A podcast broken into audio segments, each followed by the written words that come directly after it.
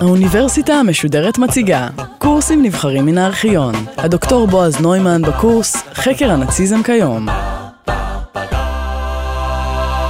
אם אנו קוראים את ההיסטוריה כפי שהתרחשה מההתחלה אל הסוף, הרי שמינויו של אדולף היטלר לקאנצלר ב-30 בינואר 1933 לא היה רגע דרמטי בהיסטוריה של גרמניה המודרנית ולא בזו של רפובליקת ויימאר. לא היה זה אלא עוד ניסיון, אחד מיני רבים, לייצב את המערכת הפוליטית של הרפובליקה מאז התפרקותה של הקואליציה הגדולה ב-1930, שהסתמכה על המפלגות שתמכו בקיומה של הרפובליקה.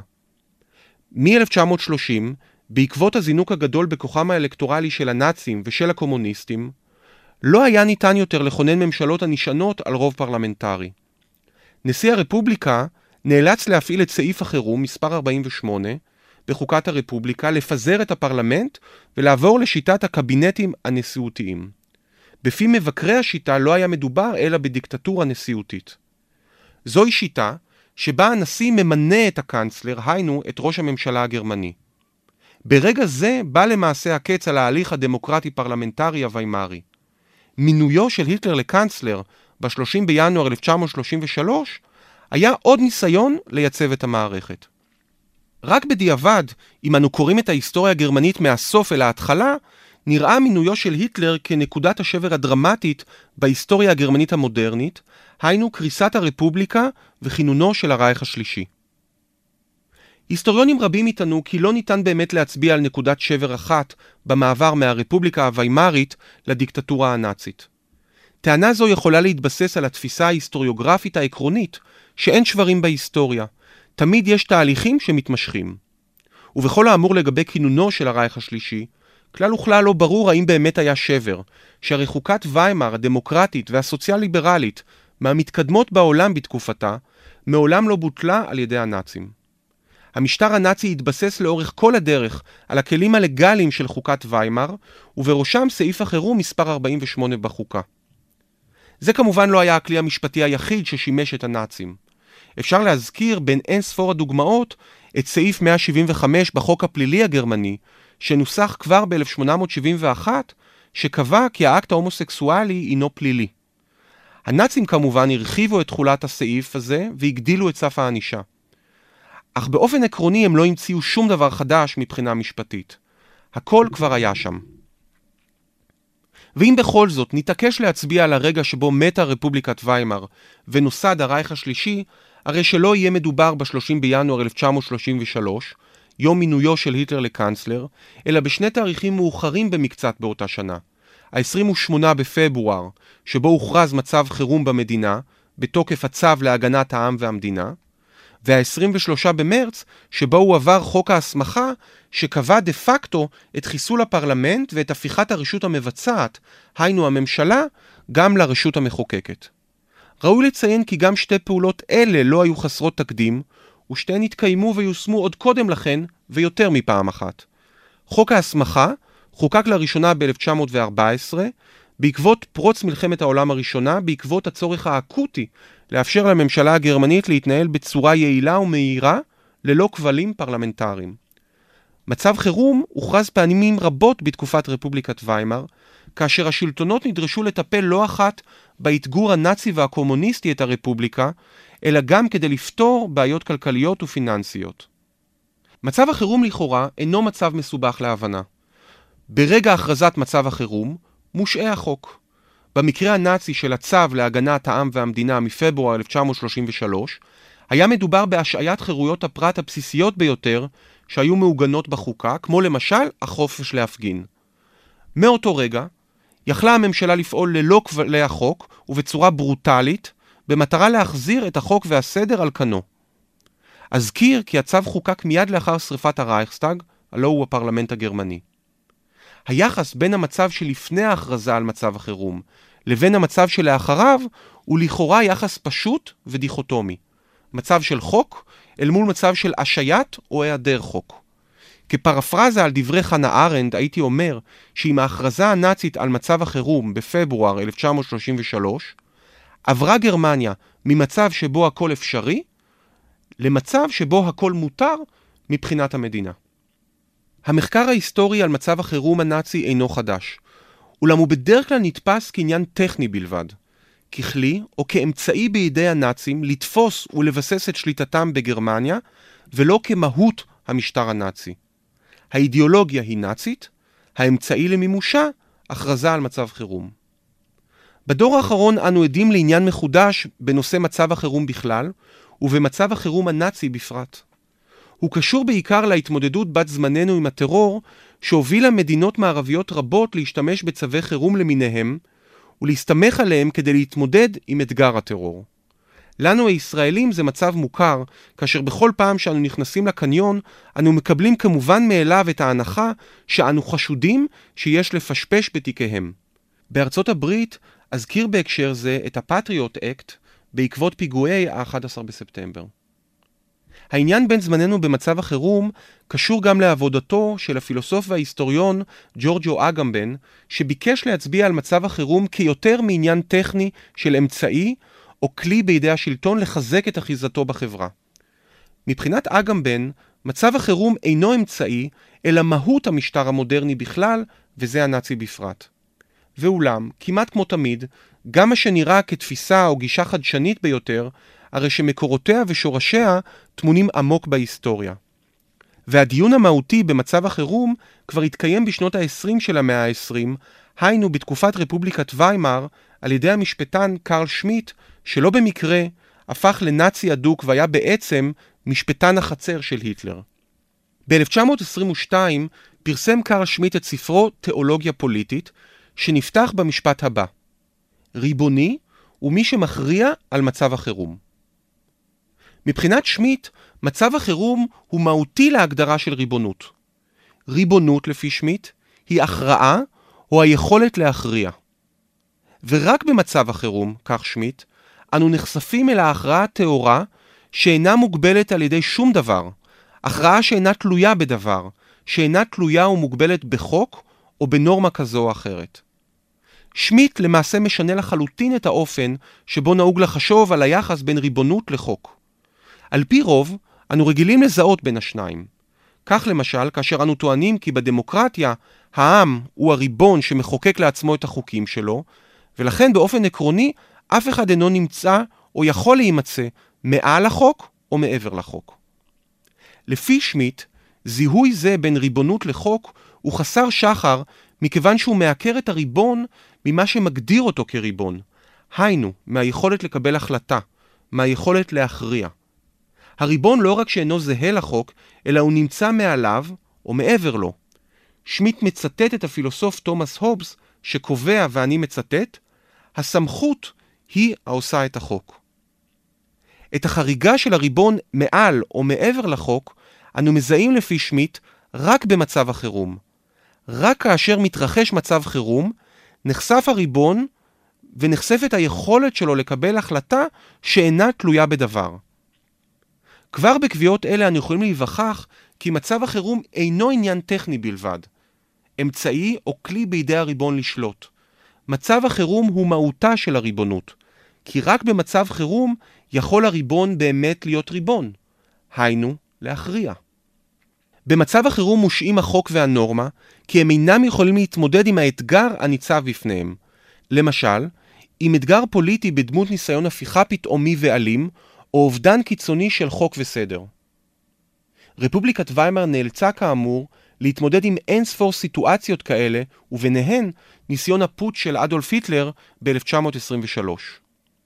בניגוד לתפיסה המזהה את מצב החירום כאנטיתזה מוחלטת לחוק, או חוק או מצב חירום, קובע שמיט כי הריבון עומד מחוץ לסדר המשפטי התקף הרגיל, ואף על פי כן קשור בו כי הוא זה שעדיין יכריע אם להשעות את החוק או לא.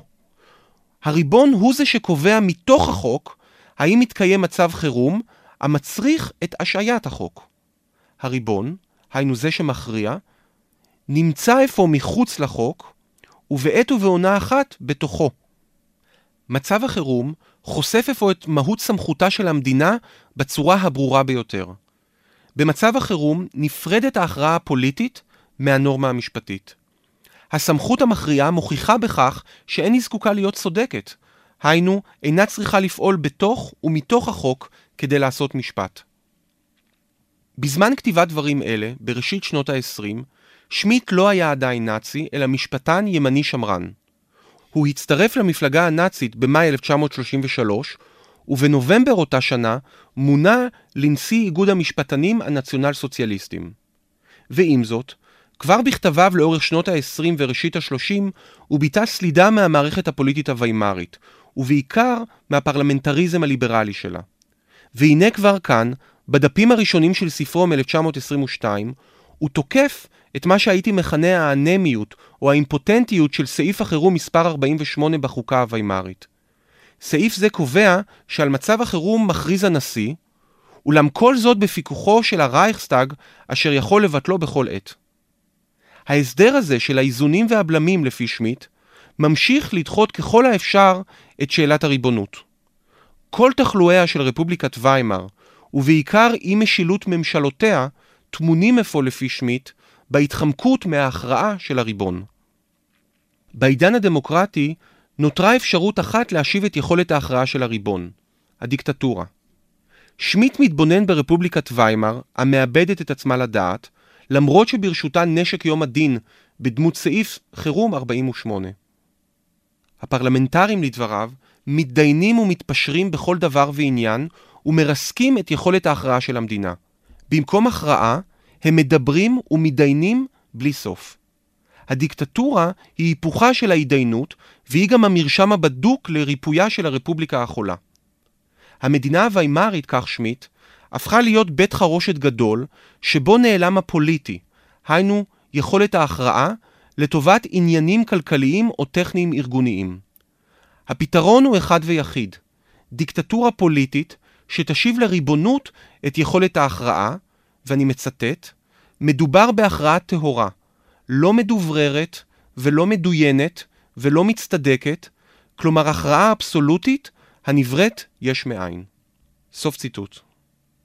ב-28 בפברואר 1933 הכריזה הממשלה הנאצית על הצו להגנת העם והמדינה לפי סעיף 48, שכלל בין היתר השעיה של סעיפים רבים בחוקה, צמצום דרמטי של חירויות הפרט כמו חופש הדיבור, חופש העיתונות, חופש ההתארגנות והחופש להפגין, הגברת הצנזורה על אמצעי תקשורת ציבוריים ופרטיים כמו מכתבים, שיחות טלפון ועוד, מתן אפשרות לערוך חיפושים בבתים פרטיים ללא צו בית משפט, מתן יכולת להחרים רכוש, הגברה דרקונית של עונשים ועוד ועוד.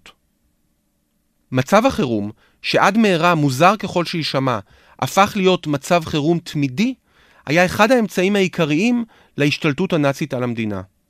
ללא הכרזה על מצב החירום, לא היה אפשר להתחיל לעצור ולזרוק קומוניסטים ומתנגדים פוליטיים אחרים נוספים אל מחנות הריכוז. ללא אותו צו חירום, כל קומוניסט שהנאצים היו חפצים להיפטר ממנו, היה נאלץ להיעצר על ידי המשטרה, להיות מובא בפני בית משפט, ומשם לצאת זכאי, או לחילופין להיות מורשע. אם היה מורשע, היה נאסר בבית הסוהר. אם לא, היה יוצא לחופשי. צו החירום הנאצי אפשר את אותו סיוט של כל דמוקרטיה, שבה יכול השלטון לשלוף אדם ממיטתו ולהשליך אותו למחנה, אם לא להעלים אותו כליל. ללא צו החירום, לא היה אפשר בסופו של דבר להוציא אל מחוץ לחוק את כל המפלגות מלבד המפלגה הנאצית. במידה רבה אפשר לראות במחנה הריכוז את הפרדיגמה, הייתי אומר אפילו את הביטוי הארכיטקטוני של מצב החירום. מהו בעצם מחנה ריכוז? מה מאפיין אותו לעומת, למשל, בית סוהר? עבודות הכפייה? גם בבתי סוהר עובדים אסירים בעבודות כפייה. עבודות כפייה מושתות גם לאוכלוסייה שלא במסגרת בית סוהר. האם האלימות הקשה והאכזרית היא המגדירה את מהותו של מחנה הריכוז? אלימות קשה ואכזרית מתרחשת גם בבתי הסוהר, וכמובן גם בנסיבות רבות אחרות. כדי להבין מהו מחנה ריכוז ומה מבחין אותו מבית הסוהר, נאלץ לפנות למאפיין המשפטי שלו. בית סוהר הוא המקום שבו נאסר אדם שנחשד בעבירה על החוק, נשפט, נמצא אשם ודינו נגזר למאסר.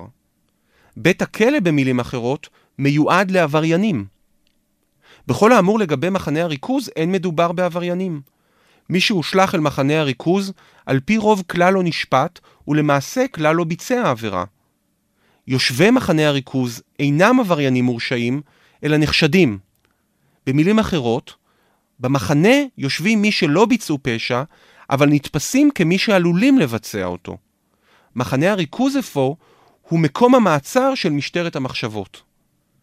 מבחינה זו, מחנה הריכוז הוא בדיוק מקומם של קורבנות מצב החירום, שבו בשם החוק, בשם ההגנה על החוק, בשם ההגנה על החוק והסדר, מושעה החוק. בא הריבון, במקרה הנאצי קוראים לו אדולף היטלר, ובשם העם הגרמני ובשם ההגנה על החוק הגרמני, משעה את החוק ומשליך את כל האיומים הפוטנציאליים על החוק, הקומוניסטים, הסוציאל דמוקרטים, האסוציאליים ומאוחר יותר גם היהודים, אל מקום שנמצא מחוץ לחוק, הלא הוא מחנה הריכוז. לא לחינם נקראה פרוצדורת המעצרים הנאצית שוטסהפט, היינו מעצר מנע, ולא לחינם נקראו מחנות הריכוז בראשית דרכם שוטסהפט לאגר, היינו מחנות מעצר מגן. אלה שנעצרו במעצר מנע לא נשפטו בבית משפט. בית המשפט יודע לשפוט רק מי שעבר עבירה ולא מי שעלול לבצע עבירה. יושבי מחנה הריכוז אכן הושלכו למחנה ולא נאסרו בו. באו באמצע הלילה ולקחו אותם. היטלר, או הריבון הנאצי, לא היה כמו המלך הריבון בתקופה האבסולוטית.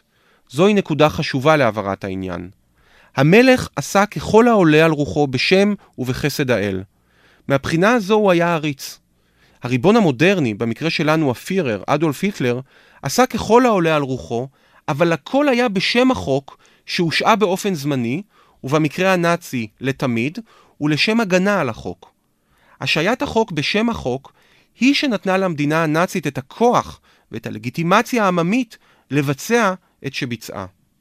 מיליוני גרמנים יושבים בבתיהם ואינם רואים בהיטלר עריץ העושה ככל העולה על רוחו, אלא מנהיג אשר מגן עליהם מפני החשודים העלולים לפגוע בחוק, לפגוע בסדר הקיים, גם במחיר של השעיית החוק.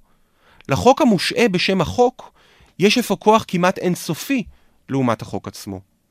הריבון המכריז על מצב חירום יכול באופן תאורטי להשליך את כל האוכלוסייה למחנה הריכוז בשם ההגנה על אותה אוכלוסייה עצמה. מכאן גם נובע המאפיין השני של מחנה הריכוז, הקשור למצב החירום, והוא שהמחנה מיועד לקולקטיבים או לקטגוריות ולא לפרטים. בוודאי שלמחנה הושלכו בני אדם, כפרטים, כאינדיבידואלים, אבל הם לא נתפסו כפרטים אלא כקולקטיב, כקטגוריה. במחנה לא נעצר ארנסט טלמן, אלא הקומוניסט ארנסט טלמן. במחנה לא נעצר פלוני הרמן כהן, אלא היהודי הרמן כהן.